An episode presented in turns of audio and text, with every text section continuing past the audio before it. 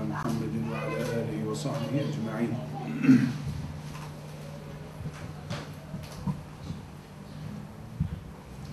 Kur'an-ı Kerim'de bir sureyi çocukluktan itibaren her Müslüman hemen hemen ezber bilir.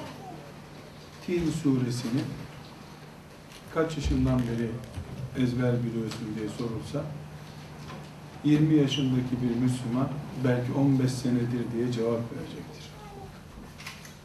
Şüphesiz her Müslüman Kur'an'dan ezberlediği her surenin, her ayetin tefsirini de bilecek diye bir kural yok. Zor bir şeydir bu. Ancak neredeyse her gün bir defa namazda en azından tekrar ettiğimiz bir hakikat var. وَالتِّينِ وَالزَّيْتُونِ وَطُورِ سِينِينَ وَهَذَا الْبَلَدِ الْاَم۪ينَ Yemin üstüne yemin ediyor Allah. İncire, zeytine, Tur-i Sina'ya ve mübarek şehir Mekke'ye yemin ediyor. Sonra ne diyor? لَقَدْ خَلَقَنَا الْاِنْسَانَ fi ehseni takvim. İnsanı en güzel kıvamda yarattık. ثُمَّ رَدَدْنَاهُ esfere safilin. Sonra da insanı en alt çukur tabakalara indirdik. Bunun belki de mealini de defalarca okumuşuzdur. İman edip salih amel işleyenler hariç demek ki insanın en zirvede, ehseni takvimde ve en çukur noktada yeri var. Bir anne, bir baba, bir çocuğa sahip olduklarında, bir mürebbi, öğretmen, muallim, önüne bir çocuk konduğunda, şunu bilmesi gerekiyor bu sureye iman ediyorsa. Nedir bilmesi gereken şey? Önündeki çocuk, talebesi veya doğurduğu, büyüttüğü çocuğu eğitmekle mükellef olduğu o yavru veya bir vakıf görevlisi, bir cami imamının, ümmeti Muhammed'in çocuklarından birisinin mesulü olmak kaderine yazılmış birisinin şunu bilmesi gerekiyor. Bu çocuk Ebu Bekirlikle Ebu Cehillik arasında bir yerde duruyor. Bu çocuk Ebu Bekir olmaya da namzettir. Ebu Cehil olmaya da namzettir. Her çocuk için geçerli mi bu? Her çocuk için geçerli. İstisnası var mı? Yok. Ama sözüme bir ara verin. Şöyle bir açıklama yapmak istiyorum. Alimliği kastetmiyorum. Alimlik çok iyi bir şey olmak demek değil. İlim başka şey. İyi Müslüman allah Teala'nın kulluğuyla şeref duyan insan söz konusu bizim için. Beram bin Bahura da alimdi. Alim kastetmiyoruz. Bu parantezi kapatmadım, devam ediyorum. Bu konuşmalarımda özellikle alim kelimesini dışarıda tutarak konuşuyorum. Alim için mücadele etmiyorum ben. Alime ihtiyaç yok. Bedir'de de, Hendek'te de, Yermük'te de alim ordusu yoktu. Çanakkale'de de büyük alimler yoktu. Müminden, yeryüzünde var olmayı cihadın gereği olarak iman etmiş insandan söz ediyorum. Parantezi kapatmadım, devam ediyorum. 120 bin sahabi olduğunu biliyoruz değil mi? Hani İmam Hatip okuyan kardeşlerimiz var zannediyorum içimizde. Sahabiler 120 bin kişi olduğunu tahmin ediyoruz. 110 bin de olur, 130 bin de olur. Tahminleri böyle İslam tarihçileri. Peki İmam Hatip'te okumuş, ilahiyette okumuş kardeşlerimiz veya fıkıh kitaplarını okumuş kardeşlerimiz bana bir cevap versinler. Fukaha kaç kişi ashab-ı kiram arasında? Kaç fakih var ashab-ı kiram arasında? Yani fakih ne demek? Allah'ın hükmü nedir diye sorulunca cevap verebilen. Boşanma olmuş, talak olmuş, filan konu olmuş, namaz bozulmuş, bozulmamış. Bunu anlayan kaç sahabi var? Bu kadar. Kaç rakamını gösteriyorum? Yedi. Kaç sahabi Ayşe annemiz gibi bin, iki bin hadis rivayet etmiş? O yedi bile değil. Peki şu dini kıtadan kıtaya dolaştıran, nesilden nesile gelmesine sebep olan ve 50 yıl içerisinde Asya'yı, Afrika'yı İslam'la nurlandıran kaç mücahit vardı? 120 bin. Allah'ın razıyım bunlardan. Tamam. Bunları cennete koyacağım diye peygamberinin lisanıyla söz verdi. Ve Allah onlardan memnundur. Onlar da Allah'tan memnundur dediği insanlar yedi kişi mi? Hayır. Hayır. Onlar on binlerce kimseydiler. Ashab, şu yeryüzünün yıldızları on bin, yirmi bin bile değildiler. Süper bir İslam yaşadılar. İmrendi Allah'ın melekleri onlara. Peygamberi gözyaşlarıyla onları uğurladı. Vefatından kısa bir zaman önce yattığı yerden perdeyi aralayıp da cemaatle namaza durmuş sahabisine gözyaşlarıyla baktığında yedi kişi değildiler. Ama yedi alim vardı işlerinde. Niye Ömer bin Hattab radıyallahu anh ashab-ı kiramın Bedir'e katılanlarını Medine'den çıkma yasağıyla tehdit etti. Medine'den çıkamazsınız dedi. Çünkü tek başına İslam adına konuşmaya cesaret edemiyordu. Medine'de kalın, sıkışınca fetva sorayım size dedi. Demek ki meselemiz bizim, o parantezi kapatacağım şimdi. Biz şu yavrulardan bahsederken, bunların hafız olmasından, alim olmalarından, Arapça bilmelerinden, fıkıh bilmelerinden, Yasin'in tefsirini 70 tefsire göre bilmelerinden söz etmiyorum. Beyzavi okumuş, Seyyid Kutup bitirmiş, böyle şeylerden söz etmiyorum. Müminden söz ediyorum. Mümin. Bir ülkeye, hatta İslam alemine iyi bir müştehit yeter. Tek bir müştehit. Hele şimdi bir tanesi hepten yeter. Onun bir fetvası 5 dakika içerisinde 7 kıtada okunacak hale geldi. Teknoloji Müslümanların elinde de var. Bir Ebu Hanife 1200 senedir yetmedi mi Müslümanlara? Bir Ebu Hanife yetti. Üstelik de kitabın, defterin bile olmadığı bir zamanda. Şimdi bir Ebu Hanife bulsak fazla bile gelir zannediyorum. Bir tanesi fazla bile gelir Ebu Hanife'nin. Teknoloji var. Sabah fetva verecek, öğle namazında bütün Müslümanlar onu amel edecekler. Alim bolluğuna ihtiyacımız yok bizim. Ama imanının içini doldurmuş. Ben müminim derken, tüyleri diken diken olan, hayy ala salah deyince yatağı kendisine ateş kabul eden ve yataktan fırlayıp kalkan mümin aranıyor.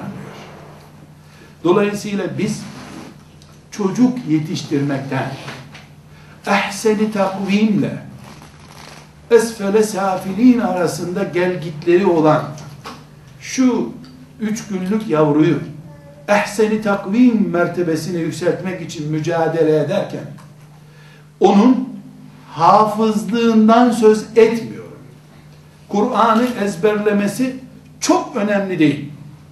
Çünkü ashab-ı kiramda herkes hafız değildi. Yüz tane, bin tane hafız da yoktu işlerinde. Yetmiş tane sahabi Yemame'de şehit düştü. Ashab-ı kiramın Medine'de ödü patladı Kur'an unutulacak diye. Demek ki on binlerce sahabinin içinde baştan sona Kur'an okuyacak 70-80 kişiymişler.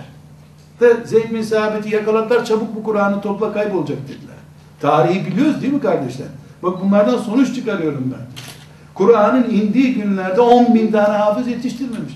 Ashab-ı kiram çocuklarını aman hemen bir medreseye koyalım bunlar Rahman suresini ezberlesin demediler. Hemen Resulullah'ın peşine katılması için uğraştılar. Sabah namazına cemaate gidip gitmediğiyle ilgilendiler çocuğun. Hafız ama sabah namazına gitmiyor olmasındansa Fatiha'yı ve İhlas suresini bilsin ama sabah namazını imamın arkasında kılsın istediler. Bunun için anne, baba vakıf görevlisi, dernek görevlisi, cami imamı, müezzin, bir müminin çocuğunu önüne oturtan herkes, kaç sayfa Kur'an ezberlettiğini ölçerek başarısını ölçmesin. Hangi Arapça ders kitaplarını okuttuğunu bana sayarak muvaffak olduğunu anlatmasın. İcazet merasimi istemiyorum ben. Ne istiyorum? Camide sabah namazının kaç kişi arttığını merak ediyorum. Allah böyle diyor deyince söz bitti diyen mümin istiyoruz biz. Hafız, Arapça da biliyor. Buhari de okumuş. Allah diyor ki deyince ama diye cevap veriyor. Yetişmemiş bu. Ama sözünü Allah'a ve peygamberine karşı kullanır mı bir insan? Allah böyle dedi diyorsun, ben de böyle diyorum diyor. Bizim hoca efendi de böyle demişti diyor. Bakıyorsun bir Allah var, bir peygamber var, bir de onun hocası var. Bir de beyefendinin kendisi de var. Nereden dört kişi olduk biz? Hani Allah ve peygamberi sonduk? Önce şunu düzeltmemiz gerekiyor. Biz eğitimden elif cüzü bitirmeyi kastetmiyoruz. Biz eğitimden hafız olmayı da kastetmiyoruz.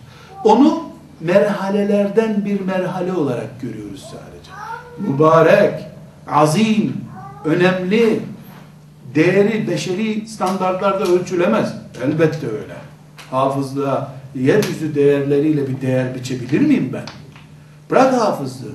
İhlas suresinin ilk kelimesini kainatla tartabilir miyim ben? Ayrı bir konu. Ama bu değer kullanılıyor olmadıktan sonra sahibini de böyle mükerrem yapmadıktan sonra benim için çok bir değer yok. Hahamlar da Tevrat'ı ezber biliyorlardı. Onların yüzünden Allah'ın kitabı tahrif edildi ama. Kur'an için canını, malını, koltuğunu, camideki mihrabını sürgün olarak ödemeye razı olmayan birisi. Sürgün olmaya razı olmayan. Kur'an için sürgün edilirim.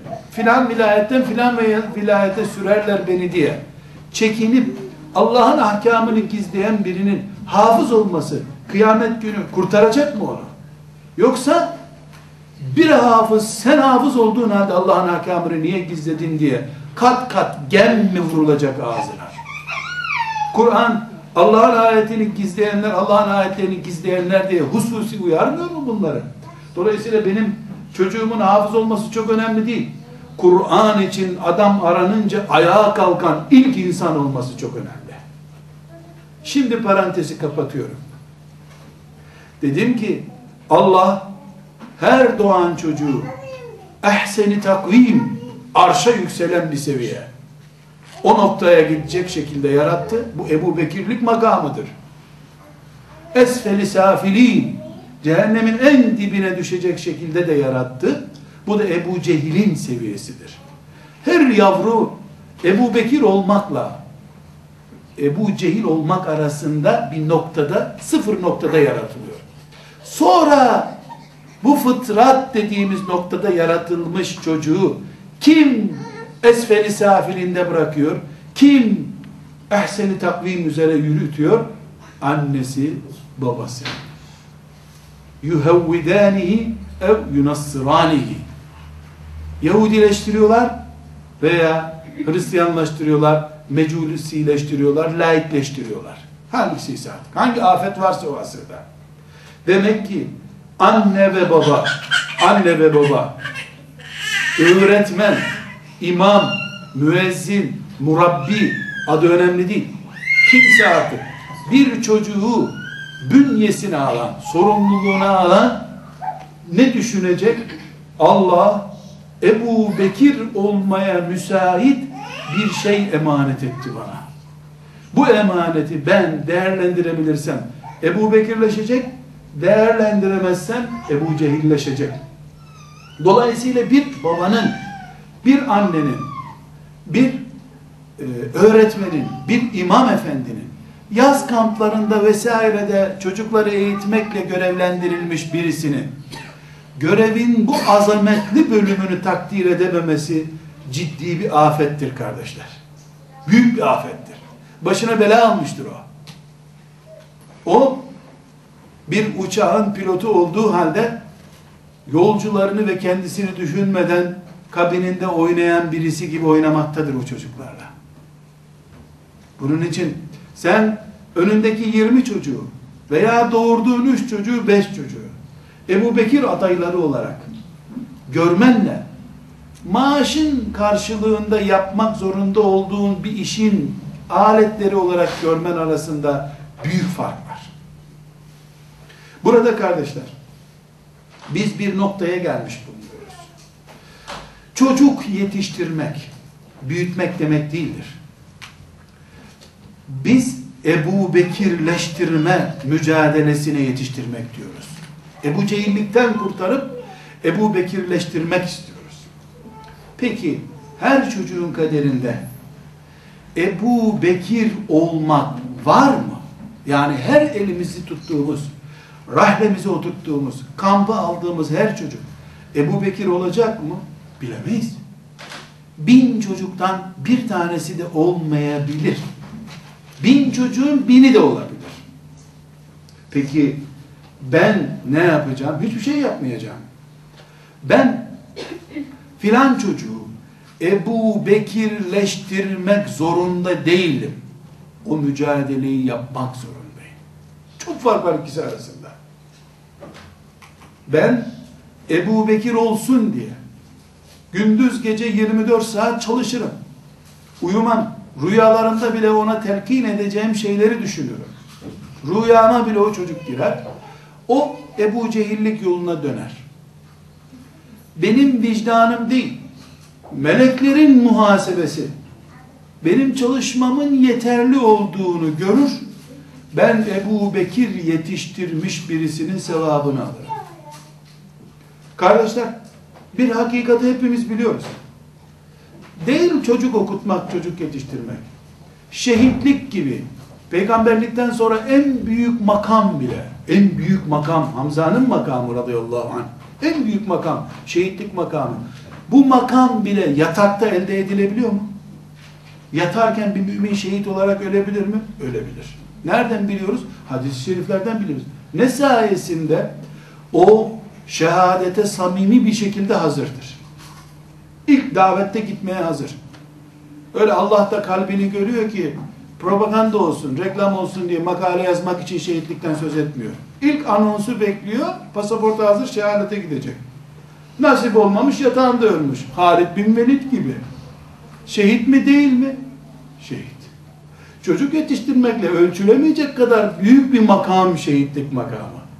Ama buna rağmen sen onun için gerekli yatırımı ve niyeti hazır tutuyorsan eğer yatağında bile Allah sana şehitlik veriyor diyor Peygamber aleyhisselam. Dolayısıyla ben baba, anne olduğum zaman ben ta hamilelik günlerinden itibaren bu bahsettiğim yiğit mümin imanın içini dolduracak mümin kalitesinde çocuk için yatırıma hazırım. Bunun için hamilelik günlerinden itibaren çalışıyorum. Gayret ediyorum. Bunun için şüpheli şey yemiyorum. Bunun için gıybet olan meclise girmiyorum. Bunun için ben hamileyim diye Kur'an okunan mecliste akşama kadar oturuyorum. Bunun için Rabbime gözyaşlarıyla sabaha kadar dua ediyorum. Bana mümin bir evlat nasip et diye. Bunun için hep zikrullah ile dilimi canlı tutuyorum. Bunun için çocuğun doğduğu günden itibaren ona eğitim çevresini hazırladım. Bütün gayretlerimi yaptım. Bunun için akraba ile bağımı kestim. Bunun için işimi terk ettim. Bunun için semtimi değiştirdim. Bunun için gerekiyorsa hicret ettim çocuğum bu fasık çevrede yaşamasın diye. Öbür türlü oldu çocuk. Mesul müyüm ben? Hayır. Ecrimi aldım mı? Öyle bir ecir aldım ki o çocuk Ebu Bekir olsa o kadar alamazdım. Neden? Çünkü bu pozisyonda niyetime göre verecek Allah. Yetiştirseydim yetiştirdiğim çocuğa göre bir şey verecekti. Benim samimi bir şekilde Ebu Bekir hayranı olduğumu ve Ebu Bekirlik makamında bir çocuğun annesi olmayı istediğimi Allah biliyor. Böyle bir baba olarak kabre girmek istediğimi Allah biliyor ve görüyor. Bunun için şehirden şehire hicret ettiğimi biliyor. Bunun için gerekiyorsa servetimi terk ettiğimi Allah biliyor. Ama çocuğun kaderinde yokmuş bu. İnneke la tehdi men ahbebt Sen her istediğini istediğin kıvama getiremezsin. Bu Allah'ın işi. Ben ecrimi kazanırım. Ama burada biz üzerimize düşeni yaptık, çevre çocuğu bozdu diye kendi kendimi aldatamam ben. Bu kendimi düşürdüğüm bir kuyu olur o zaman. Bu muhakemeyi melekler yapmalı. Melekler yapmalı. Bu birinci meselemiz kardeşler. İnşallah anlaşılmıştır. Tekrar ediyorum. Dedik ki Allah her çocuğu fıtrat üzere yarattı. Fıtrat ne demek?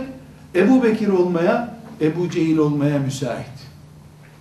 Anne ve baba ve çevre öğretmen bu çocuğu iki noktadan birine sürükleyecek. Allah'ın kaderi nasıl tecelli edeceğinden anne baba öğretmen sorumlu değil. Bunu biz Tin suresini ezber biliyoruz. Çocukluktan beri hep bunu tekrar edip duruyoruz. Bu ayet bu işte. Üstelik bunu Allah söylerken incire, zeytine, Tur-i Mekke şehrine yemin ediyor. O kadar büyük bir hakikat söylüyor ki bize. Ne yemin ettiği Allah'ın vettini, ve zeytuni, ve tur-i sinin, ve hâzel beledil emin. İncire yemin olsun, zeytine yemin olsun. Nedir bu hikmet? Onu ayrı, ayrı bir konu. tur Sina'ya yemin olsun allah Teala'nın Musa Aleyhisselam'a tecelli ettiği yer olan tur Sina'ya yemin olsun. Şu mübarek şehir Mekke'ye yemin olsun her insanı ahseni takvim ve esferi safilinin ortasında yarattık biz. Ebu Cehil de yaratıldığında o noktadaydı. Eğer rahmeten lil aleminin huzurunda fırsatı değerlendirseydi ikinci Ömer olacaktı o. Öbür Ömer onu değerlendirdi. Esferi safilinden ahseni takvime çıktı. Ama Ebu Cehil değerlendiremedi. Aynı Ömerlerden bir Ömer olduğu halde esveli safiline doğru yuvarlandı. Bu birinci hakikat. İkinci hakikat kardeşler.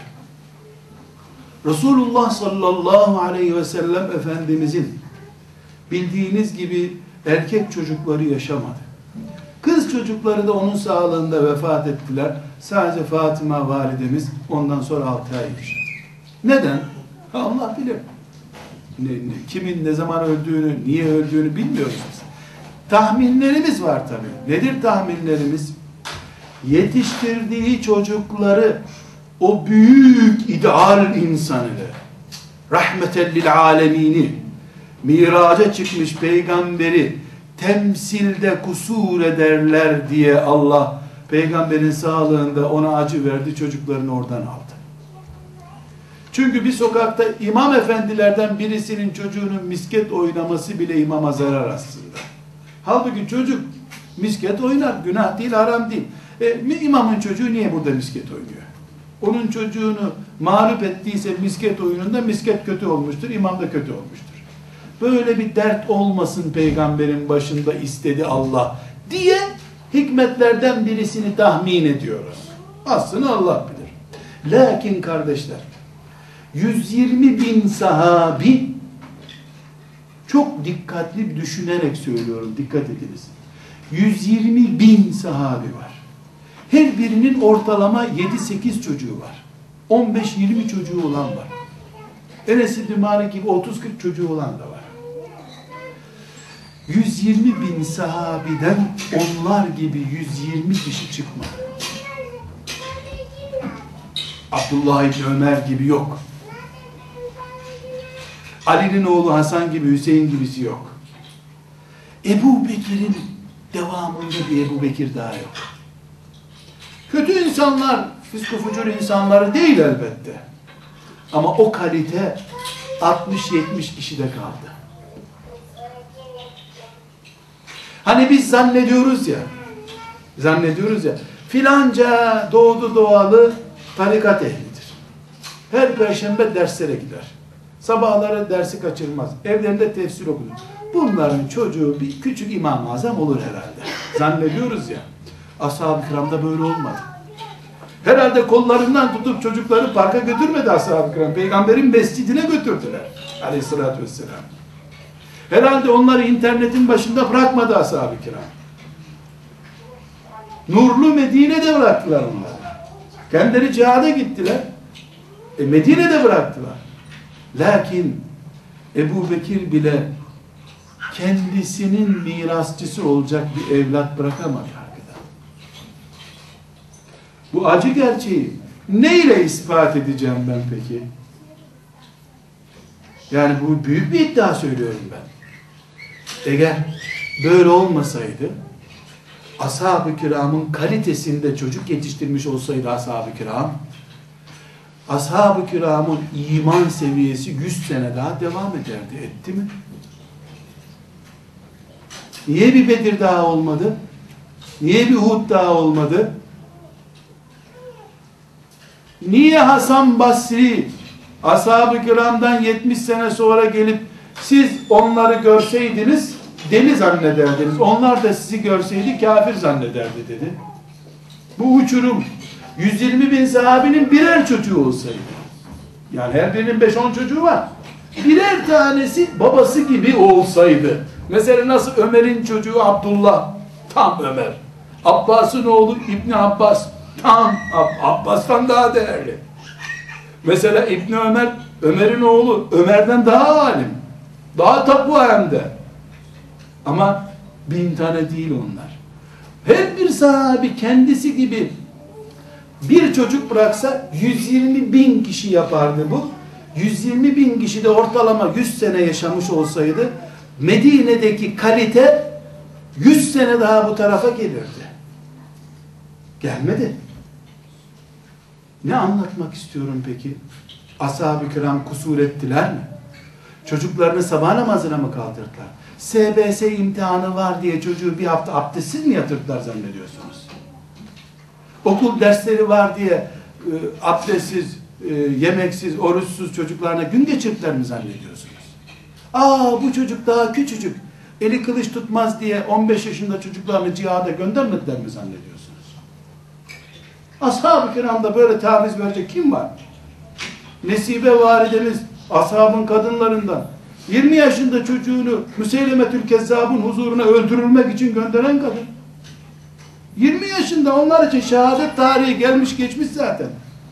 Çocuklarını, mallarını Allah'tan acımadılar ki. Lakin kardeşler,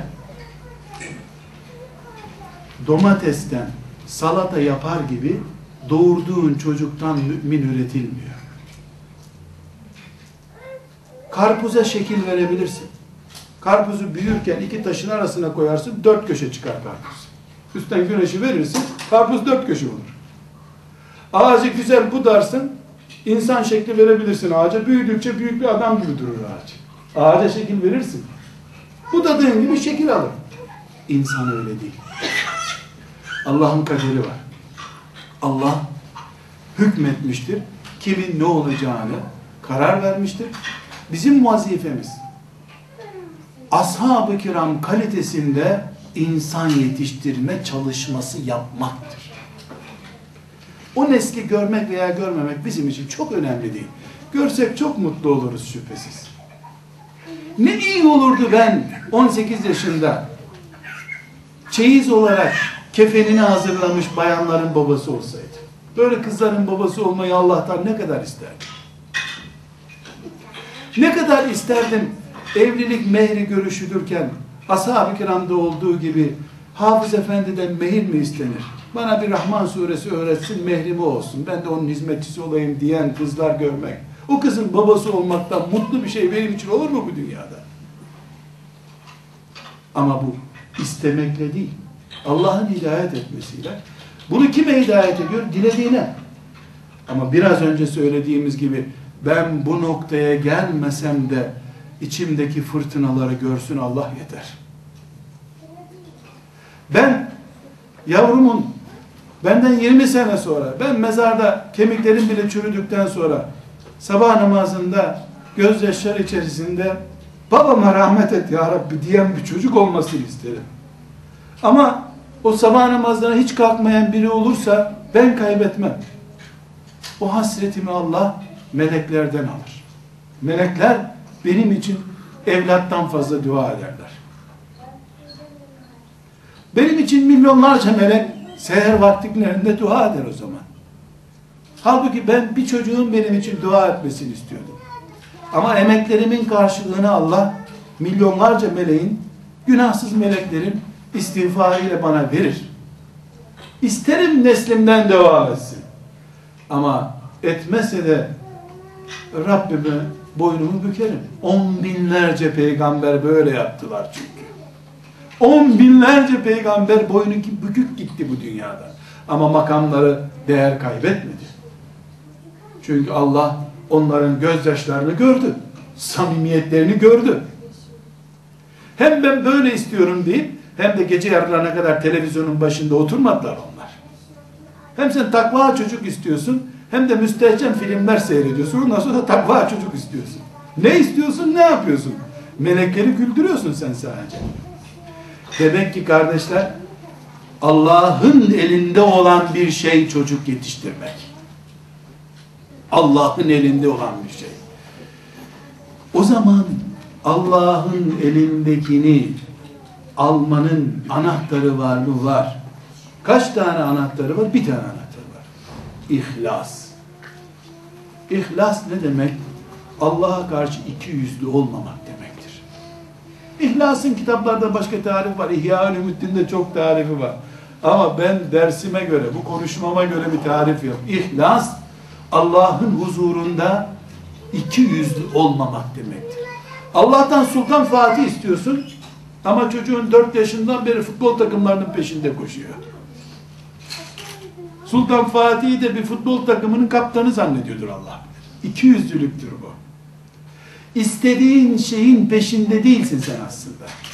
Rüyalarında cennet istiyorsun ama dünyaya tapınıyorsun. Çocuğunu mücahit yapmak istiyorsun. Çocuğa kumbara almışsın 3 yaşındayken. Ne demek çocuğa kumbara almak? Paraya tapınma eğitimi vermek demek. Çocuk arkadaşına hediye verdi, dondurma aldı diye kınıyorsun onu, paranı niye harcadın diye. Aferin yavrum. Hele hele fakir arkadaşlarını tercih etsen daha mutlu olurdur. Sen fakir arkadaşına mı dondurma aldın? Al sana harçlığını yeniden diyerek infak eğitimi yapacak yerde sen mücahit yetiştireceksin. Ahiret için çalışan çocuk yetiştireceksin. Ama çocuğa kumbara alacaksın. İki yüzlülük bu. Eğitim böyle olmaz. Çocuğu hafız yapacaksın. Her seferinde kaça gittiğini soruyorsun çocuğa. Dikkat edin. Misafir geliyor. Sen kaça gidiyorsun yavrum? Ben bildiğim çocuk doğunca yaşı sayılır. 1, 2, 4, 5, 9, 10 yaşında, 11 yaşında. Kaça gittiğiyle ölçülüyor çocuk artık. Neden? Çünkü duy şu sesi. İnsanların en büyük hedefi bu çocuk kaç yaşında değil hangi okulu bitirdi. Hafız olacak ha, İbn Abbas olacak. Kur'an'ı yutacak ama okul bitecek, lise bitecek, üniversite bitecek, iş bulacak, askere gidecek, iş yeri kuracak. Ondan sonra inşallah, inşallah ondan sonra. Mezarına çam dikecek bu bunun. Sen bu çocuğu Kur'an'a vakfetmiş olsaydın, Kur'an'a vakfetmiş olsaydın, bu çocuğun hafızlık işini okula gitmeden bitiriyor olman lazım. İki yüzlülük bu. Allah'tan cenneti istiyorsun ama senin bütün ödemelerin dünya üzerine kurulu. İşte örnek veriyorum. Çocuğa niye kaça gittiğini soruyorsun. Sen Kur'an sevdalısı bir hanımefendi değil miydin? Bu yeğenine niye yavrum karnen nasıl diyorsun? Bu sene, geçen sene sorduğumda Mülk suresindeydin. Bu sene neredesin yavrum? Sorsana bir bakayım. O da teyzem bana sorar diye Mülk'ten sonraki sureyi ezberlemeye çalışsa ya. İşte bu çelişkimiz Allah'la aramızdaki mesafeyi büyütüyor kardeşler. Hepimiz ahiret için çalışıyoruz. Yatırım dünya üzerinden ama. Altın, gümüş, dolar, euro ama ahiret için hep. Hep ahiret için. Mübarek ashab-ı kiram ne yaptılar? Biz ne yapıyoruz? Ama lafa geldi mi? Ashab-ı kiram bile beş karış geriden gelir. Lafla. Lafla olduğu zaman. İhlas bu işin birinci şartı kardeşler. Neyin birinci şartı? Allah iki yüzlü görmeyecek seni. Melekler iki yüzlü görmeyecekler. Mesela, mesela her birimiz deneyebiliriz. Sık sık dua ettiğimizi varsayarak söylüyorum. Son beş duamızı oturup yazalım.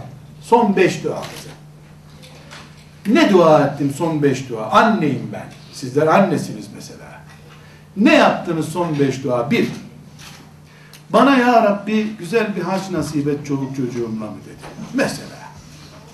İki, eşime sıhhat ver bana sıhhat ver mi dedi. Ayıp şey değil, günah şey değil. Bunu istemek lazım Allah'tan. Afiyet istiyoruz Allah'tan ayrı bir konu. Üç, Rabbim memleketimize zarar verme Filistin'i şöyle yap, Gazze'li müminlere dua et. Bunu dua ettim? Kafirleri helak etme dua et. Dört, beş, bunlardan senin Rabbim bana senin dinini ayakta tutacak. Gerekiyorsa bana kanlı gömleğe gelecek Yusuf gibi çocuklar nasip et dediğini hatırlıyor musun? Kaçıncı sırada bu dua? Kaçıncı sırada? İşte iki yüzlülük testi böyle yapılıyor kardeşler. Ne istediğimin ölçüsü bu. Mesela anneyim babayım bu testi yaptım. Öğretmenim 10 tane çocuk bana verdiler bunları mümin olarak yetiştir dediler. 10 çocuk benim elimde. 2 ay bu çocuklar bende kalacak. Bu çocuklar için gösterdiğim gayret, himmet benim ne yapmak istediğimi gösteriyor. Bu çocuklara mesela 1 Haziran'da bana teslim ettiler bunları. 25 Temmuz'da da alacaklar. 55 gün. Bu 55 gün zarfında ben ne hedefliyorum? Bir, bunlara bir kapanış töreni muhakkak yapılacak. O kapanış töreninde bu çocukların neler öğrendiklerini ispat edeceğim marşlar ezberletmeliyim. 40 hadis ezberletmeliyim. Mesela amme cüzünü ezberlettim bunlara. Kapanış programına yatırım yapıyorum. Velilere anlatacağım ya ben neler yaptım. Bu bir alternatif. Başka bir alternatif bu çocuklar aman abdest almayı bilsinler. Çünkü eve gidince babası soracak ne öğrendim? Abdesti öğrendim. 32 farzı öğrettim. Anneye babaya hesap vermesi kolay bir yatırım yapıyor. 3. Bu çocuğun ne öğrendiği öğrenmediği benim için önemli değil. Ben buna tohum koyuyorum. İki ay bari bu tohumu tüp bebek gibi saklayayım. Sonra bu tohum bunun içinde fidan olsun. Büyüsün. Bu çocuk bir gün inşallah Seyit Kutup olur. On binler on eliyle hidayet olur. Bu çocuk bir gün Hasan el-Benna olur. O Hasan el-Benna Şeyh Ahmet Yasin'i yetiştirir. Şeyh Ahmet Yasin Ferşli haliyle ümmeti Muhammed'in en büyük cihadını yapar. Bütün o sevaplar da bana yazılır. Tohumu ben ektim çünkü. Düşünce meselesi. Samimiyet ölçeği. Samimiyet ölçeği. Kardeşler, üçüncü noktadan söz ediyorum. Kış günü, açık pencerenin bulunduğu bir evde, hangi sobayı yakarsanız sabaha kadar ısınabilirsiniz. Pencere açık hava. Bütün duvarları radyatör yapsanız, ortasına da büyük bir soba yapsanız, fırtınalı bir havada cam açıp siz o evde ısınabilir misiniz? Cevap. Sobanın tarafındaki yönünüz ısınır, sağ tarafınız cama bakıyorsa o tarafınız sabahleyin doktorluk olur. Bu böyle. Yatıyorsanız sabahleyin sinüzit olarak kalkarsınız zaten. Bu ne demek? Eğitim, öğretmekten önce tecrid etmektir. Önce koruma altına alacaksın. Akrabadan, arkadaştan, çevreden, internetten, televizyondan, medyadan, neyse koruma altına alacaksın. Korumadığın çocuğu hafız yapabilirsin, itirazım yok. Akşama kadar ders çalışır, sen yatsıyı kılarken de internetten fuhuşunu yapar. Hafız olduğu halde.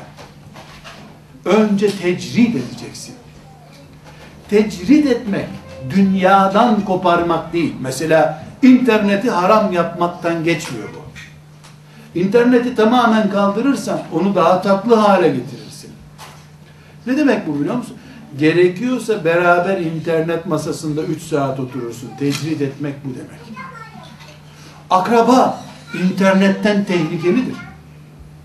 Çocuğu sen Büyük mücahit yapacağım diye uğraşırsın. Teyzesi bir gün bayrama ziyarete gelirse yavrum bu zeka ile sen var ya tam cerrah olacak bir doktor olacak halin vardı biliyor musun der gitti senin 10 senelik yatırımın.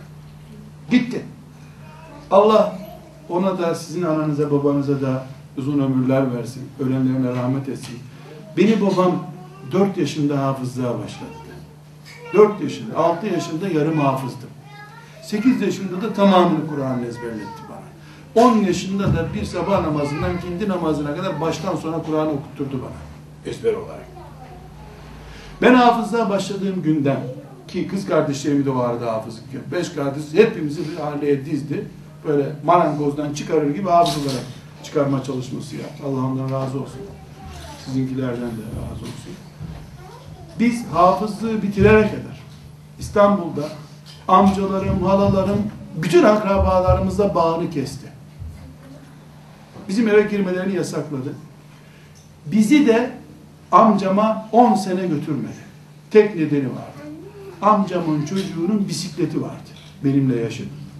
Ben o bisikleti görürüm. Ben de bisiklet isterim. Ders okumam yoksa derim pazarlık konusu yaparım bunu diye düşünmüş. Şimdi anlatıyor o hatırasını. Ben de o zaman bisiklete cimrilik yapıyor. Karadeniz babası ne olacak? Çocuğuna bir bisikleti acıyor diye düşünüyordum çocukken. Meğer adamın derdi başkaymış. Sonra bisikletle oynarım. Adam bana Buhari ezberletecekmiş, işte bir sürü hadis kitabı ezberletecekmiş. O bisikletle meşgul olurum, beş hadis ezberleyemem diye korkmuş. Başka bir amcamın evine bizi götürmedi. Şimdi diyor ki amcanın radyosu vardı diyor. Orada haberleri filan dinlersin, merak edersin. Ders yapmazsın o gün diye amcası abisine gitmemiş senelerce. Şimdi bakıyorum benim babamı akrabaları böyle çok sert, hırçın bir kimse olarak biliyorlar. Şimdi bu hırçınlıklarını ashab-ı kiramın niyetleriyle kıyas ediyorum. Ashab-ı kiramı da sevmedi akrabaları. Niye sevmediler? Zevklerine göre bir komşuluk yapamadılar onlarla. Yönlendiremediler ashab-ı kiram. Ben babamı örnek olarak göstermiyorum. Ama o zaman nefret ederdim babamdan. Böyle baba olur mu? Kimine bisiklet alıyor çocuğuna, kimisi işte gezdiriyor. Gezmek İstanbul'un ortasında İstanbul'la köyün neresi olduğunu bilemez bir hayat yaşadım ben. Ama niyeti büyüktü. Allah ondan razı olsun. Niyeti büyük, büyük iş yapmak istedi. Ne okula gönderdi, ne bir bisiklet aldı. 12 yaşında ilkokul gördüm. 12 yaşında. Ona kalsa 50 yaşında da beni göndermezdi zaten. Amcam tuttu elimden de ilkokula götürdü.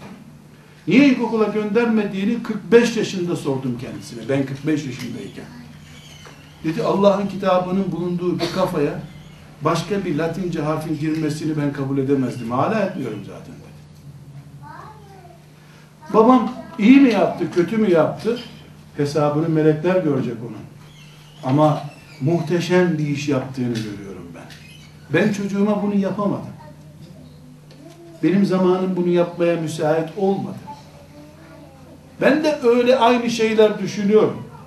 Yani hatta babamdan daha iyi şeyler düşünüyorum ama ben akrabalarıma götürüyorum çocuklarımı. Geri geldiklerinde de bir aylık verdiğim terbiyenin orada halalarında dayılarında kaldığını görüyorum. Gidiyor. Bir kötü sözü öğrenip geliyorlar. Eğitim vermekten önce korumaktır. Çocuk üşümüş, öksürüyor. İlk yapılacak iş şurup vermek mi çocuğa? Isınmasını sağlamak.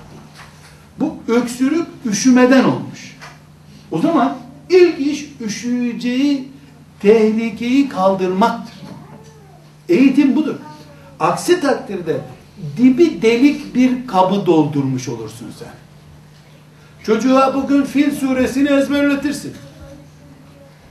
Ama o öbür türlü sen onu ödüllendirmeyeceğin, çikolata almayacağı için ezberliyordur onu. Fil suresini bir köşeye atar depoda lazım olur diye. Onun sen Fil suresini ezberletirken de o zaten başka planları vardır. Bunun için çocuklarımızı tecrid etmek zorundayız. Bu tecrid etme yani fiskı fucur ortamından uzak tutma hafızlığa başlayacakları günün olayı değil. Ne zamanın olayı? Doğumdan öncesinden itibaren. Çünkü bu mikrop bir yaşında da kapılıyor. iki yaşında da kapılıyor. Kardeşler, hepimizin bildiği bir hakikati söylüyorum. Beş yaşında çocukların anne babanın yatak odasında neler yaptığını bildiği bir zamanda yaşıyoruz. Sözüme hanımefendiler olarak sizin itirazınız var mı? Yoksa benim geldiğim İstanbul'da mı hep böyle hayat? Burada televizyonlar daha ahlaki şeyler mi gösteriyorlar? Lütfen bana yardım edebilir misiniz? Yani Trabzon daha maneviyatı yüksek bir yer olabilir. Yabancısıyım bilemiyorum. Ama bizim İstanbul'da böyle 5 yaşında çocuklar çok şey biliyorlar. 30 sene önceki yaşlı annelerin babaların bilmediğini bile biliyorlar. Daha da ileri gideyim. Bu çocuk bu derece ileri gitmiş kafasıyla siz ona hangi İslam terbiyesini öğreteceksiniz? Mikrop bünyeye 4 yaşında girmiş, 3 yaşında girmiş. Bu mikrobu zamanında bünyeye sokmamak lazım. Bunu dua da katlamıyor bundan sonra. Hocanın yapacağı bir şey de yok. Tamam Kur'an da ezberler. İstiyorsan Kur'an da ezberlesin. Bir depoya da Kur'an koyuyor. Beyinde yer çok. Bunun için futbol takımı tutmayı basit görmeyeceğiz. Çünkü bir şeyi tutmak başkasını tutamamaktır. Filan futbol takımını bir sebeple tutan çocuk Gazze'yi tutamaz bir daha. Elinde yer yok ki. Ben bu bardağı tutuyorsam öbür verdiğim bardağı neyle tutacağım? Her insan 40 şeyi tutamaz. Kafa bir yere bağlıdır. مَا جَعَلَ اللّٰهُ لِرَجُلٍ min kalbeyni fi cevfi. Hiç kimsenin göğsüne Allah iki kalp koymamıştır. Ne demek iki kalp koymamıştır? Hem laiklik hem İslam olmaz. Birini tutacaksın. Hem müthiş futbol perest hem müthiş mücahit. Olmaz kardeşim. Bu kağıt üzerinde olur. Hem çocuğunu çok seviyor hem onu Allah'a feda edecek. Olmaz böyle bir şey. Çocuğunu seveceksin ama Allah için verilecek şeyler arasında önde duracak o. Çocuğundan ayrılamıyor ama müthiş bir şekilde de Allah için harcayacak o çocuğu. Yok böyle bir şey. Yakup seviyesinde bile olsaydın Yusuf'tan 40 sene ayrılmadan o makama ulaşamayacaktın. 40 yıl Yusufsuz yaşa Allah senin gözlerine ak düştüğünü görsün Yusuf'un hasretinden seni o zaman İbrahim'in torunu bir peygamber makamına çıkarsın seni. Bu çevre temizliği çok önemli kardeşler. Gerekiyorsa akrabalarımızı üçe ayıracağız. Bir, dezenfekte edilmiş, İslam'ı dert edilmiş akrabalarımız. İki, ortada duran akrabalar, bayramdan bayrama gidilmesinde sakınca yok. Üç, İslam'a karşı mikrop taşıyan akrabalarımız. Silerim defterden. Sıla-i Rahim yok mu? Sıla-i Rahim Allah'ın farzlarından bir farz, imandan daha büyük bir şey değil ya. Bu çocuğun imanında tehlike var. Çok önemli bir şeyi vurguluyorum kardeşler. Çocuklarımızın eğitimini ana rahmine düştükleri günden itibaren başlatmak zorundayız. Bu işimizi de kolaylaştıracak. Eğitimde Allah'a karşı iki yüzlü olmadığımızı da ispat etmiş olacağız melekler nezdinde. Bir başka meselemiz kardeşler. Çok büyük bir hakikattan söz ediyorum. Şu kainatın tamamını Allah yarattığından beri idare ediyor. Son gününe kadar da o idare edecek.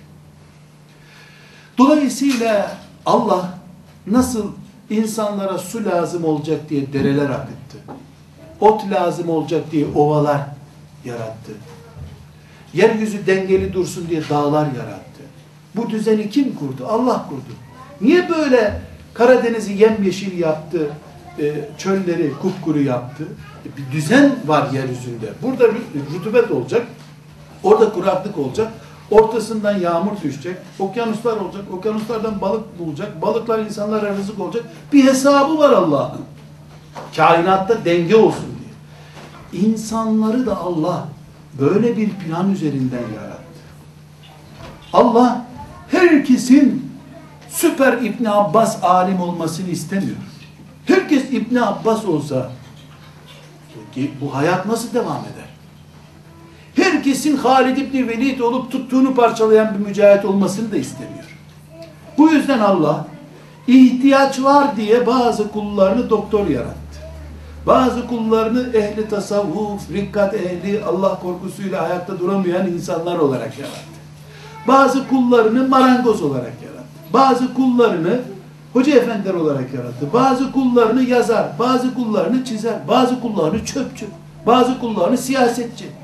Bütün bu meslekler, insanoğlunun ayakta durmasını sağlayan meslekler, insan için gerekli olan şeyler Allah'ın planı gereğidir. Ve bunun için Allah her doğan çocuğa bir fıtrat koydu. Bu fıtratı zorlayan anne ve baba, hoca, vakıfçı, görevli zalimdir. Zalimdir. Tekrar ediyorum. Allah her insanı bir taş gibi yaratmıştır. Bu taş buraya konursa bu duvar örülür. Yok bunu ben buraya değil buraya koyacağım diye inat edersen. Yani dere böyle aşağı doğru akıyor. Yok illa bizim tarafa yan tarafa diye akacak diye uğraşırsan yukarı doğru akıtmaya çalışırsan zalim olursun sen.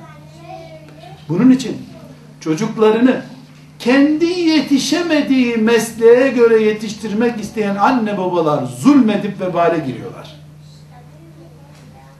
Müderris, hoca efendi medrese açmış. Bu medresede işte 100 kişilik medresede hafızlık yaptırıyor. 100 öğrenci alıyor. Bunları kırbaçla, giyotinle, tabancayla, tüfekle hafız yapmaya çalışıyor. Zalim. Zalim. Hangi tür zalim? Kul hakkı cinsinden zalim. Bir kız çocuğunu erkek çocuğu gibi yetiştirmek mümkün mü? Veya bir erkek çocuğunu ya doğum yaparsın bu sene ya seni öldürürüz demek mümkün mü? Fıtratına aykırı. Bunun için yaratılmamış ki. Ben bir Kur'an kursu düşündüm, açtım. Kız çocuğu alıyorum. 16 yaşında bıyığı büyümeyen kızlara hafızlık yaptırmam diyor. Olur mu böyle bir şey? Kız çocuğundan bıyık beklenir mi? Ya da erkek çocuğuna diyorum ki bıyığı çıkan hafız olmayacak. Fıtratı zorluyorum ben. Dereyi yukarı doğru akıtıyorum. Ben armut ağacının ot vermesini istiyorum. Buğday başağından da armut istiyorum o zaman. Hayır kardeşim. Allah armut yaratmış, buğday yaratmış, arpa yaratmış, keten yaratmış. Her şeye ihtiyaç var çünkü bu kainatta. Benim çocuğum mesela ben bir Arapça hoca efendisi olmak istedim. Nasip olmadı. İnşallah ilk çocuğum Arapça alimi olacak. Teşekkür ederiz. Allah razı olsun. İyi ki lütfettin bu imkanı bize. Bu bir zulümdür. Hoca efendiler yıllarca bu zulmü yaptıkları için ellerine geçen on binlerce hafızlık adayından on tane mücahit yetiştiremediler. Bir medreseye yüz talebe girdi, on tanesi o hoca efendinin bayramda elini öpmeye bile gitmedi bir daha. Neden? Çünkü çocukların fıtratı dışında bir şeye zorladılar. Peki bu Kur'an ne olacak? Bir dakika. Bir dakika. Bir defa zarurat-ı diniyemiz var. Nedir zarurat-ı diniyemiz? Her müminin Allah'ın kitabını açıp şöyle doyasıya okuyacak kadar Kur'an bilmesi lazım. Bu fıtratla ilgili falan değil. Bunu herkes öğrenecek. Bismillahirrahmanirrahim deyip ortalama 4 dakikada 5 dakikada bir sayfayı 15 saattir okudu mu farz yerine geldi. İki, buna namaz kılarken lazım olacak yerler var. Fatiha suresi, ayet-i Felak suresi veya 3-4 sayfa bitti. Bu kadar. İki, dini ile ilgili zaruret var. Nedir o? Kadın mı? Aybaşı nasıl olur, ne zaman olur, nasıl temizlenecek bilmesi lazım. Ay başında yasaklar ne, helaller ne, haramlar ne bunları bilecek. Efendim Ramazan orucu ile ilgili ahkamı bilecek. Farzla ilgili şeyleri bilecek. Evleneceği zaman da evlilikle ilgili fıkhı bir ilmihalden okuyacak. Farz olan budur. Bunu her doğan Müslüman çocuğuna vermek zorundayız biz.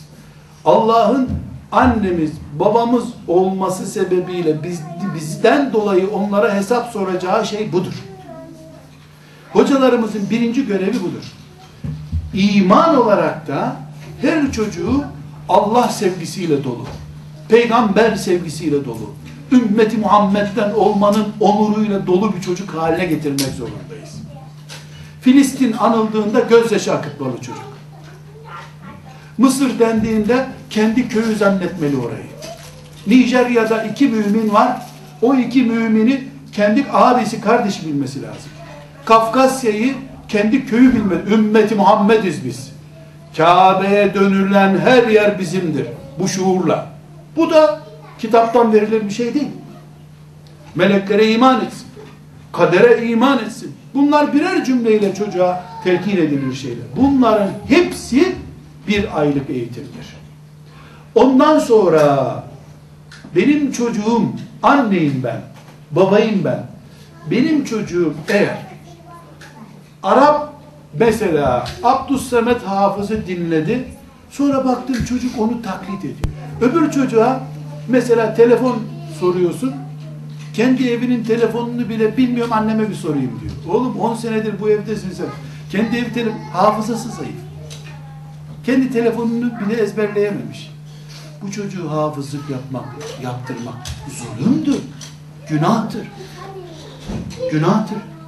Neden? Çünkü normalde hafızlık 8 ayla 16 ay arasında bir zaman ister. Bir hafız 20 ay harcadı mı hafızlığa artık o ısınmaya başlar. Kaynar. Düdüklü tencere gibi olur. 24 ay geçti mi düdüklü tencerenin düdüğü çalar. 30 aydan sonra hala hafızlığa devam ediyorsa o çocuk patlayacak. Doğru değil onun hafızlıkta harcanması. Farz herkesin hafız olması? İslam hafız olmaktan ibaret değil. Bu çocuk İslam'a nasıl hizmet edecek? Subhanallah. Halid İbni Velid olacak belki. Belki Halid İbni Velid olacak. Yani Halid hafız mıydı? Kardeşler hepinizin hatırasında canlı olarak kalsın. Halid İbni Velid var mı değerini bilmeye? Var mı eşi benzeri şu kainatta bu sene? Bu asırda? Bir gün namaz kıldırmış. Kıldırdığı namazda zamm-ı sureden iki ayet gidememiş. Şaşırmış, şaşırmış, çevirmiş. Namazdan sonra da çocuklar kıs kıs gülmüşler. Ulan koca Halid bir namaz kıldıramadı bize. Halid bin Velid Allah'ın kılından çıkmış kılıcı, mücahit. Irak, Suriye, Kudüs, bugünkü Kudüs, Yemen, Halid'in eliyle Müslüman oldu kardeşler. Kaç milyar ezan okunuyor her gün Halid İbni Velid'in fethettiği topraklarda. Ama bir vakit namaz kıldıramamış kimseyi. Dönmüş bakmış ki çocuklar gülüyorlar arkasında. Yani zamm-ı okuyamıyor. Fatiha'dan sonra iki ayet okuyamıyor. Ne gülüyorsunuz demiş. Biz Allah için kılıç sallamaktan becerip de iki ayet öğrenmeye vaktimiz olmadı demiş. Ayıp mı? Haşa. Haşa. Hafız olduğu halde internetin başından ayrılmayan camiye gitmeyenlerin ayağına kapanıp tırnağını öpemeyecekleri kadar büyük bir makamdı o. Herkes hafız olacak, herkes Arapça okuyacak, herkes filan mesil. Öyle bir şey yok. Herkes terzi olabiliyor mu kardeşler? Her bayan nakış yapabiliyor mu? Her bayan. Her bayanın sesi ince mi? Her bayanın saçı pamuk teli gibi mi? E bizim bedenlerimiz farklı olduğu gibi yeteneklerimiz de farklı. Anneler, babalar çocuklarına hayal ettikleri mesleği öğretme iddiasında olmasınlar, zulmederler. Öğretmenler, vakıf görevlileri, hoca efendiler, hanımefendiler, mürebbiyeler, mürebbiler ellerindeki programı ikiye ayırsınlar. Zaruret olarak çocuğa öğretmek zorunda olduğumuz şeyler, iman, ibadetler ve farz oranda Kur'an, bunlar farz. Bunlar için uyumayız sabaha kadar çocuğumuza bunu veririz. Ama üst branşa gelince Buhari'yi ezberleyecek çocuk. Niye? Niye Buhari'yi ezberleyecek? Ne olacak? Arapça kurs. Ne olacak Arapça bilecek bu çocuk? Arapça bilmenin doğuma katkısı var mı? Arapça bilince namazı mı dahil? Arapça niye öğretiyorsun bu hanımefendiye? Ne olacak? Arapça zararlı mı? Estağfurullah. Arapçayı öğrenmek israf mı? Neuzubillah. Nasıl ben bunu derim? Nasıl ben bunu derim? Ben Arapçaya iman gözüyle bakıyorum. Ama niye bir milyar Müslümanın hepsi bu sene hacca gitsin demiyorum? E kime nasip ettiyse Allah o hacca gitsin diyorum. E, haccdan daha değerli mi Arapça ki? İlla her kız Arapça öğrenecek diyeceğim. Arapça biliyor. Ama o da internetten haram olduğu halde yabancı bir erkekle haberleşiyor bilmem ne sitesinde. Yani Arapça bilmesi bir işe yaradı mı şimdi? Keşke hiçbir şey bilmese, okuma yazma bilmeseydi de yabancı birini ona internetten bir şey gönderince bilgisayarı camdan fırlatıp atsaydı bu harama alet edecek biri diye. Ben mümin istiyorum. Nerede Allah için ayağa kalkacaklar deyince ayağa kalkıp bir daha oturmayan adam istiyoruz. Bütün dünyanın baskısına rağmen kadınlığını Allah için kullanan birisi istiyorum ben. Ben hafız filan istemiyorum. Bir iznillah en az 20 çocuk doğurup ümmeti Muhammed'e nesil kazandıracağım diyecek hanımefendi istiyorum. Ama ben bakıyorum hanım kızlarımız işte 15 kişilik 20 kişilik gruplar alıyorlar. Yazın onlara bir şeyler öğretiyorlar. O talebeler üzerinde bakıyorum bir oje çeşidi yayılıyor. Bir soruyorum ki hocalarının ders arasında kullandığı şeyi taklit ediyorlar. Ben kızıma aylarca uğraşıyorum. Sonra bir kampa gönderiyorum. Bana pantolon istemeye kalkıyor. Soruyorsun ne oluyor? Hocası pantolon giyiyormuş meğer Bana ne senin Arapçandan? Keşke İbranice bilseydin de ümmeti Muhammed'e iyi örnek olsaydın. Çocuğumuzun fıkıh olarak zarureten bilmesi gereken şeyler var. Bilhassa bayanların fıkı öldü gitti. Bayan fıkı unutulmaya yüz tuttu. Bayan fıkhını kadınlar için konuşuyorum. Özellikle bilecek. Ticaret yapıyorsa ticaret fıkhını öğreteceğiz. Mesela kuyumcu bir Müslüman çocuğunu da yanında yetiştirmeye çalışıyorsa yavrum gel bu kuyumculuğun fıkhını öğren demesi gerekir. Bu zaruret. Bunun ötesinde her çocuk yeteneğine göre eğitilsin. Peki ben nasıl bileceğim bunu? Ha, bu işte hocalarımızın vazifesi bu. Hocalarımız açtığı kursa talebe aramayacak. Talebeye göre eğitim hazırlayacak. Şimdi ben 70 kişilik kurs açtım. Kurs boş durmaması için 70 kişilik kurs boş durmasın diye 70 kişi alıyorum oraya. Günah değil mi? Benim 70 tane ayakkabım var. 70'i de 35 numara. Veriyorum. Bunu mecbur giyeceksin diyorum. Ya birinin ayağı 35, birinin 36, birinin 33. Nasıl giyecekler bu ayakkabıyı? Bu ayakkabı vermek değil ki işkence etmek bu insanlara. Çocuklarımız 5 yaşından itibaren bu işten anlayan hoca efendilerin kontrolüne verilecekler. Her sene yaz tatilinde mi olur vesairede çocuklarımızı götüreceğiz. Bu çocuğun yeteneği ne tarafa bak diyeceğiz. Bir gün iki gün gerekiyorsa hoca efendinin yanında kalacak.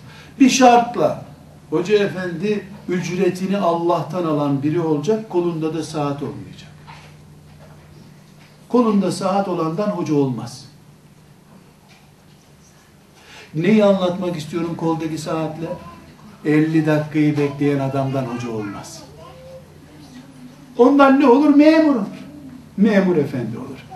Bu ikide bir çocuk bakıyor saate, o da saate bakıyor. Çocuğun da derdi saat, onun de saat. Saati beraber dürtüyorlar çabuk geçsin bu 50 dakika diye. Ne bereket bekleyeceğim bundan? Ne bereket bekleyeceksin? Musab bin Ümeyr öyle saate mi baktı Medine'de? Musab bin Ümeyr saate baksaydı Medine şimdi İslam'ın merkezi mi olurdu? Dolayısıyla saati olmayan ücretini Allah'tan bekleyen hoca efendiye bu çocuğu götüreceksin. Hocam bu çocuğa bir bak. Ben yüzlerce talebeyle uğraşıyorum. Bana çocuk getiriliyor. Bakıyorum çocuğun matematiği eşsiz. Çocuk 10 yaşında, 50 yaşındayım ben matematikte takla attırıyor. Adam çocuğu bana hafız yap diye götürüyor. Diyorum ben bunu hafız yaparım. Sen bunu tıbba hazırla. Bu zeka İslam'a tıptan hizmet etsin. Bakıyorum çocuk geçen sene beni ziyarete getirmiş babası. Onunla espri yapmışım. O esprideki mimik hareketlerimi iki sene sonra taklit ediyor çocuk. Aa, tuttuğunu koparmama zekası var. Hayır bu çocuğu hafızla. Bu hafızlık zekası. Zekalar bin bir çeşit. Saçımız gibi, bedenimiz gibi, kulak gözümüz gibi değişik zekalar. Yani çocuğa e, diyorum ki ben evimin telefonunu sana söyleyeyim. Bu telefondan beni arayacaksın. Tamam tamam amca diyor. Söylüyorum 12 haneli bir rakam. Telefon değil bir şey değil. Ben de unutuyorum onu sonra. Arada çocuğu oynuyoruz, eğlen. Benim evin telefonunu hatırlıyor musun diyorum. Hatırlıyorum diyor. Al sana hafız işte. Hafız. Mesela çocuklarınıza böyle bir test yapabilirsiniz. Yabancı bir telefon rakamını, cep telefonu rakamını böyle birbirine yakın numaralar mesela 0536, 317, 23, 36 mesela böyle rakamların birbiriyle zıtlaştığı bir numarayı çocuğa söyleyin. Bir defada çocuk bunu ezberliyorsa ilk sinyal güzel. 24 saat sonra aynı numarayı sorun tekrar ediyorsa bu çocuk hafız olur. İkinci defa tekrar ediyorsa bu çocuğun hafızı 20 aya düştü demektir. Yormayın çocuğu. Ha zamanla buluğ çağında çocukta değişiklik olur. 10 yaşında da test yaptırırız. 12 yaşında da test yaptırırız. Burada en büyük görev bu ümmetin yükünü taşıyan hoca efendilere düşüyor. Allah'tan utanacaklar. Haya edecekler. Ümmeti Muhammed'in çocuklarına ücretini Allah'tan almak üzere yardım edecekler. Her sene bu çocuğu getirin test edeyim diyecek. Bir gün hoca efendinin evinde misafir kalsın zararı yok. Sabahtan akşama kadar hoca efendi onu alsın dolaştırsın. Sen de ona ikram edeceği dondurmanın ücretini çaktırmadan hoca efendiye ver. Ekonomisi müsait değildir. Bu cami görevlisi olması da şart değil. Cami görevlisi olması. Bu dinden anlayan, hafızlıktan anlayan biri olsun. Kızlarımız için de geçerli. Erkeklerimiz için de geçerli. Hatta hatta e, burada bir vakıf bünyesinde olduğu için söylüyorum. Vakıflarımız da bu konuda uzmanlaşmalıdır. Her işten anlayan, devlet kuran, çadır kuran, ev yapan vakıf olmaz. Bir işin olsun. Hastaneler bile göz hastanesi, kalp hastanesi diye ayrılıyor kardeşim. Koca kalp doktoru gözü ağrıyor, kendi anlamıyor neden ağrıdığını. Mübarek bir vakıf kurmuş, bir dernek kurmuş, her şeyden anlıyor. Fakire yardım eder. Ramazan orucundan anlar, kampanya yapar, sampanya yapar, her şeyi yapar. Böyle vakıf da olmaz. Uzmanlık alanı olmalı. Trabzon'umuzda çocuk eğitimi konusunda filan hoca efendinin vakfı bu işten anlar dedirtmeliyiz. Hem modern bilimden de, psikolojiden, pedagojiden de de istifade etmeliyiz. Ben burada sadece örnek olsun diye ve bu vakıftaki abilerimi kışkırtmak için söylüyorum. Bunlar benim abilerim. Bu vakfın büyüğü benim kapısında oturacağım bir insan değil ama Allah'tan bugün burada olmadığı için ben rahatım elhamdülillah. Burada olsa zaten ben böyle konuşmazdım. E, Trabzonluyum ben aslında. Yani babam Trabzonlu, Ofluyum. Annemin doğduğu yer Of. Onun babasından kalan bir arazi vardı. E, bir senedir orada bir inşaat yapıyorum. Yaptırıyoruz. Elhamdülillah. İnşallah önümüzdeki seneden itibaren pedagog hafız yetiştirecek bu kurs. Böyle bir çalışma. 40 tane talebe alacağız her sene. Pedagog hafız yetiştireceğiz. Ürdün'de bir üniversiteyle anlaştım. 3 yıl burada hafız olacaklar. 3 yıl üzerine götürüp orada pedagoji öğretip geri getirip. Pedagoji ne demek? Benim anladığım pedagojiyi söylüyorum. Anneliğin, babalığın nasıl olduğunu insana öğreten meslek demek. Dövmeden çocuk büyütme mesleği demek. Çocuğun yaramazlığından bile istifade etme mesleğine pedagoji deniyor. Eğitim mesleği yani. Bu bir uzmanlık alanı. Benim vakfım İstanbul. 1100 kilometre oraya talebe taşıyacağım, uçakla götüreceğim, getireceğim. Bir talebe normalde 100 dolara mal ediyorsa 3000 dolar harcayacağım her talebe için. Ama her biri bir vilayete yetecek inşallah hanımefendi öyle bir çalışma istiyor. Çünkü bu ümmetin böyle yuha bu işleri yapalım mantığıyla yapacağı bir iş yok. Uzmanlık lazım. Nasıl İHA'mız elhamdülillah uzmanlaştı dünya Müslümanlarına yardımda. Bütün dünyanın gündemini iki günde değiştirdi. Bir uzmanlık meselesi işte. İHA dert etti kendine Gazze'yi. Sonunda Allah onların elinden tuttu. Bütün dünyayı alabora ettiler. Sen burada istediğin kadar miting yap. Hiçbir işe yaramadı. Bir uzmanlık meselesi. Çocuklarımız için de böyle sıkıştıralım. Vakıfları sıkıştıralım. Sizler görevliyseniz vakıflarda siz de eşlerinizi kendi yani eşlere yıkmayın bu işi tabi. Eğitim işi kadın işi aslında. Bizim hanımlarımız doğurmayı beceriyor, eğitime gelince hocaya havale ederler. Doğurmak bin katı daha zor eğitimi. Yani bunu beceren Allah'ın izniyle diğeri de becerir diye düşünmemiz lazım. Kesinlikle mesela e, branşlı vakıflar kurduk. Erkekler bunu zahmetine katlansınlar, binalarını yapsınlar, teslim etsinler size. Onun ayak işlerini de onlar görsünler. Biz bu ümmetin yükünü kadınlara taşıttırmak zorundayız. Kadınların taşıdığı bir dava yükselir. Hadice'si olmayan bir Muhammed Lut olurdu. Lut aleyhisselam olurdu ancak. Muhammed aleyhisselamı 23 senede 120 bin kişiye veda okutan Hatice binti Hüveylit'tir. Lut aleyhisselam da bir Hatice bulsaydı o da 120 bin kişiye hutbe okurdu zamanında. Kadınsız dava yürümez. Bu, bu bir hakikat. Çocuklarımızı uzmanlaştırmak zorundayız. Hangi konuda? Çocuğumuzun yeteneği konusunda. Tabi bu şimdi şöyle bir taviz nedeni olmamalı. Öğretmene sordun mu, çocuğa sordun mu hep doktor olacak çocuklar. Mübarek her doğan çocuk cerrah doğuyor ne hikmetse. Paralı bir meslek. Ya aslında 40 doktor olacağım diyen 40 taneden bir tanesi bile öyle olmuyor sonra. Üniversite imtihanından tökezleyip gidiyorlar. Öyle değil. Biz çocuğun havasına da bakmayacağız bu konuda. Meyil ne tarafaysa anne baba bu konuda karar vermemeli yalnız. Neden? Anne babadan öğretmen olmaz.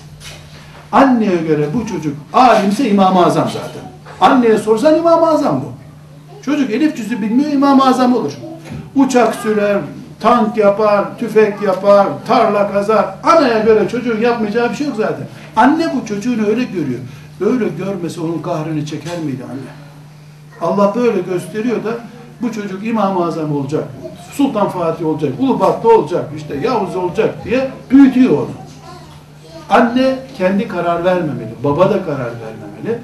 Üçüncü bir kişi o çocuğa objektif, adil bir şekilde bakacak birisine karar verdireceğiz. Kardeşler bir noktaya daha değinmek istiyorum. Şimdi ben bunları anlattım. Ne kadar umutlandınız, ben ne kadar umutluyum. Şeytan da baktı ki Nurettin Yıldız Trabzon'a geldi. Trabzon'da yüzlerce kadının beynini yıkadı. Daha Trabzon'dan bana ekmek çıkmaz. Ben Trabzonlu çocuklarla uğraşmayayım dedi gitti. İnandınız mı bu cümleye? Ha. Bugün ne karar verdi biliyor musun? Demek ki bu kadınları Nurattin Yıldız İstanbul'dan geldi uyandırdı. Acil servis istedi o buraya şimdi. Hemen buraya uzmanlarını çağıracak.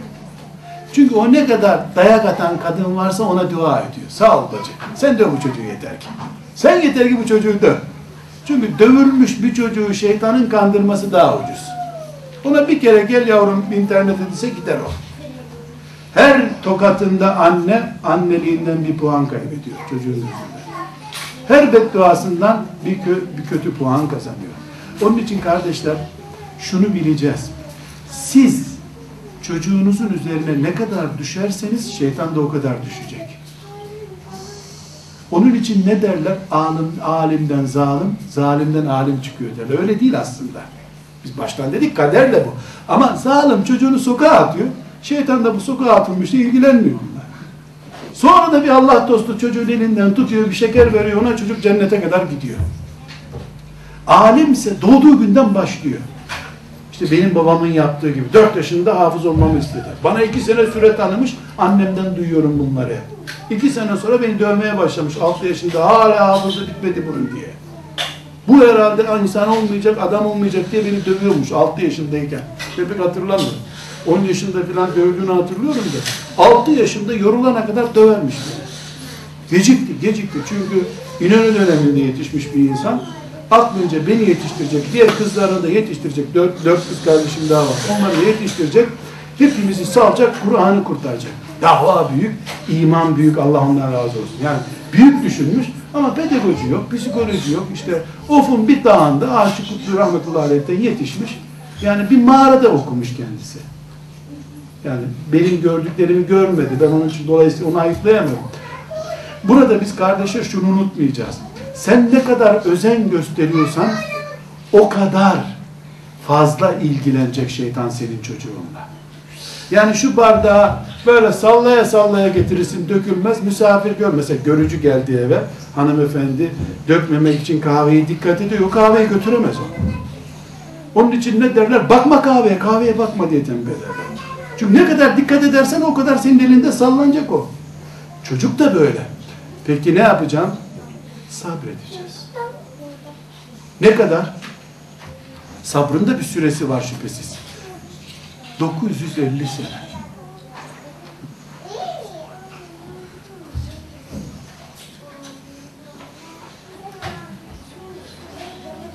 Allah Kur'an'da hikaye anlatmıyor.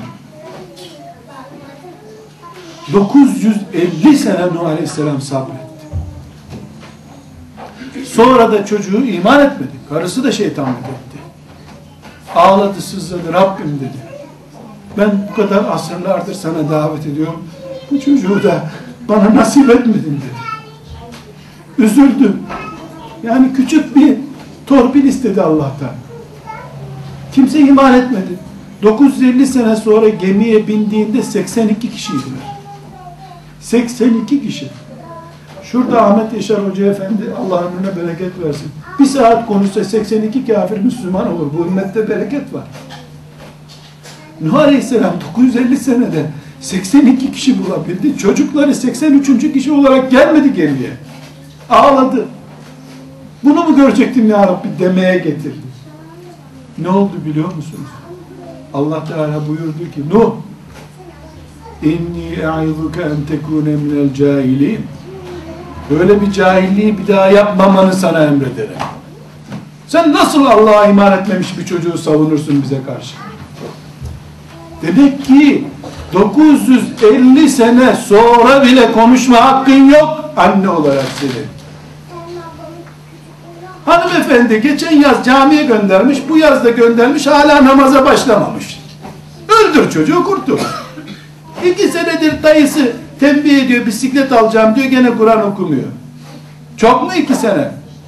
948 senen daha var hanımefendi. Sabır 3 ay 5 aylık iş değil. Sen 20 yaşında doğurduğun çocuğa sabretmeye başlayacaksın. 80 yaşına geleceksin. O çocuğun torunları olacak gene sabredeceksin. Allah görecek ki sana bin sene ömür verse sen yılmayacaksın. Bunu görecek Allah. Sonunda alacaksın hepsini.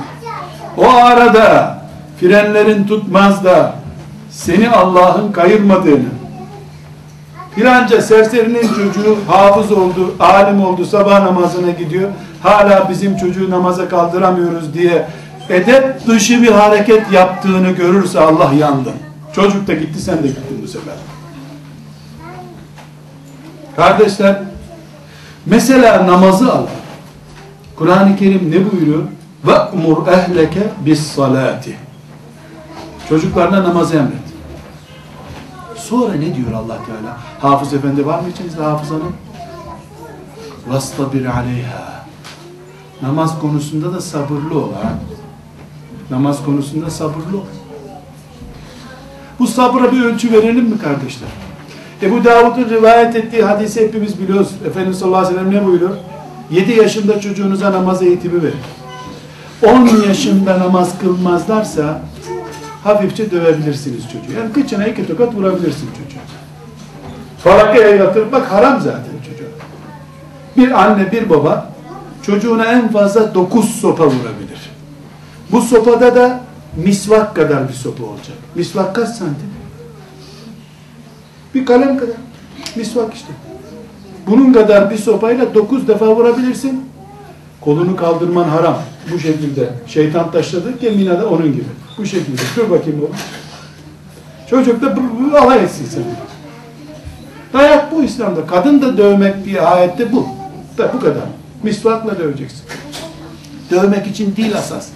Kızdığını göstereceksin çocuğa. Şimdi bu hadisi şerifi tekrar düşünelim. Ne buyuruyor Efendimiz sallallahu aleyhi ve sellem? 7 yaşında namazı emredin. 10 yaşında kılmıyor hala. Dur. Nerede bu emir geldi? Medine'de. Medine nasıl bir şehir kardeşler? Namaz kılmayan var mı Medine'de? Peygamberin sağlığında, Ömer'in sağlığında. Ömer sağ, Medine'de namaz kılmayacak. Çok işim var diye dükkanda duracaksın sen. Ezan okunuyor, hayat duruyor. Kadını erkeği herkes mescitte. Böyle bir şehirde çocuk 7 yaşında emrediyorsun. 7. 8, 9, 10. Medine'de 10 sene eğitim veriyorsun namaz kılmıyor, tokat hak ediyor çocuk. Alim olmak gerekiyor mu? Soru hazır. Kaç sene sürmesi gerekiyormuş namaz eğitiminin? 4 sene. 4 sene. Bir rekat, iki rekat namazı kılmayı kaç dakikada öğrenir bir çocuk? İki dakikada. İki dakikada öğrenir. Eğitmeye gelince dört yıl gerekiyor. Nerede? Medine'de. Medine'de. Kardeşler, namaz kılmayan bir delikanlı, Resulullah'ın mescidinde görülmeyen bir delikanlı, ashab-ı kiramdan birinin kızını istemeye gitse, sahabeden biri dairen var diye ona kız verir miydi? Alim olmak gerek, tarihçi olmak gerekiyor mu bunun için? Peki, namaz kılıyor musun diye soruluyor mu gençlere kız istemeye gelince annesi? Tıp mezunu ve Ankara'da filan hastaneye tayini çıkmış bir çocuk kızı istemeye geldi. Kılar canım çocukta iman var zaten. O cuma değil bayram da kılmasa suç mu onun için? Doktor. Ne ölçüyorum ben? Hanımefendiler. O Medine'de dört sene gerekiyordu çocuğun namaza ısınması için. Bu Trabzon'da kaç sene gerekir sizce? Hoca efendiler bile haftada bir gün izin günleridir caminin lojmanında oturuyor camiye gitmiyor namaz kılmaya. Öyle bir dünyada yaşıyorsun sen. Namaz kıldırmak için maaş alıyor. İzin gününde caminin altından yukarı camiye çıkmıyor. Bu çocuğa sen nasıl namaz eğitimini dört senede verirsin? Vastabir aleyha. Namaz zor iş. Bundan biz ne anlıyoruz? Namazı öğretmek başka şey. Namazı sevdirmek başka şey. Ve inna lekebiratun illa alel haşi'in. Huşu seviyesine gelenler hariç, yani Allah dostu haline gelenler hariç, namaz herkes için zor bir ibadet. Çocuk için elbette zor. Taktik uygulayacaksın. Mesela ilk günler abdest almaya üşenecek, çaktırmayacaksın abdest almadığını. Aldın mı oğlum? He anne. Vay hain bir de yalan söylüyorsun. Ayaklarına bak kupkuru ayaklarınla deyip namaz kılmama suçunu bir de yalancılık suçuyla perçinleyip yalancı namazsız haline getirdin çocuğu fark etmeden. Çaktırma. İyi oğlum Allah kabul etsin gel beraber kılalım de. Sen bir rekat kıldın baktın 13 rekat kılmış yatsıyı bitirmiş. Edepsiz sen. Yarım ayet okusan gene bitmezdi bu deme. Allah kabul etsin yavrum yat de. Yeni öğreniyor çünkü. E biliyor hafız. Eğitim başka şey. Eğitim başka şey. Ben size yeni bir börek tarifi, tatlı tarifi yapayım. Arabistan'da gördüm bunu. Size de tarif ettim. Yazdınız, çizdiniz. İlk tarifte, ilk uygulamada hemen oluyor mu tatlı? Namaz da olmaz. Sabredeceksin. Yalan söyleyecek sana. Kıldım anne hem de Yasin suresini okudum birinci rekatta. Allah kabul etsin ya. Savaş bu. Karşı cephedeki şeytan 10 bin seneden fazladır insanoğlunu aldatmak için uğraşıyor. Şeytanın elinden kaç çocuk geçti bugüne kadar? Kaç çocuk? Bilebilir miyiz? Bilirim. Kaç insan yaratıldıysa o kadar. 124 bin peygamberi çıkar. Gerisi şeytanın tezgahından geçmiş. Var mı şeytanın elinden geçmemiş bir çocuk? Ne diyor Efendimiz Aleyhisselam? Her doğan çocuğu bir sıkar onun için çocuk ağlar ilk defa diyor. Halbuki çocuk daracık bir borudan çıkıyor. Çıkar çıkmaz anne diye bağırması lazım. Çıkar çıkmaz ağlıyor çocuk. Niye ağlıyor? Hadis-i şerif ne buyuruyor? Çıkar çıkmaz gel diye bir sıkar onu diyor. Onun için çocuk ağlar hemen. Onun için çocuk ağlamadı mı eve şüphelenir öldü bu diye. Ölü doğdu diye.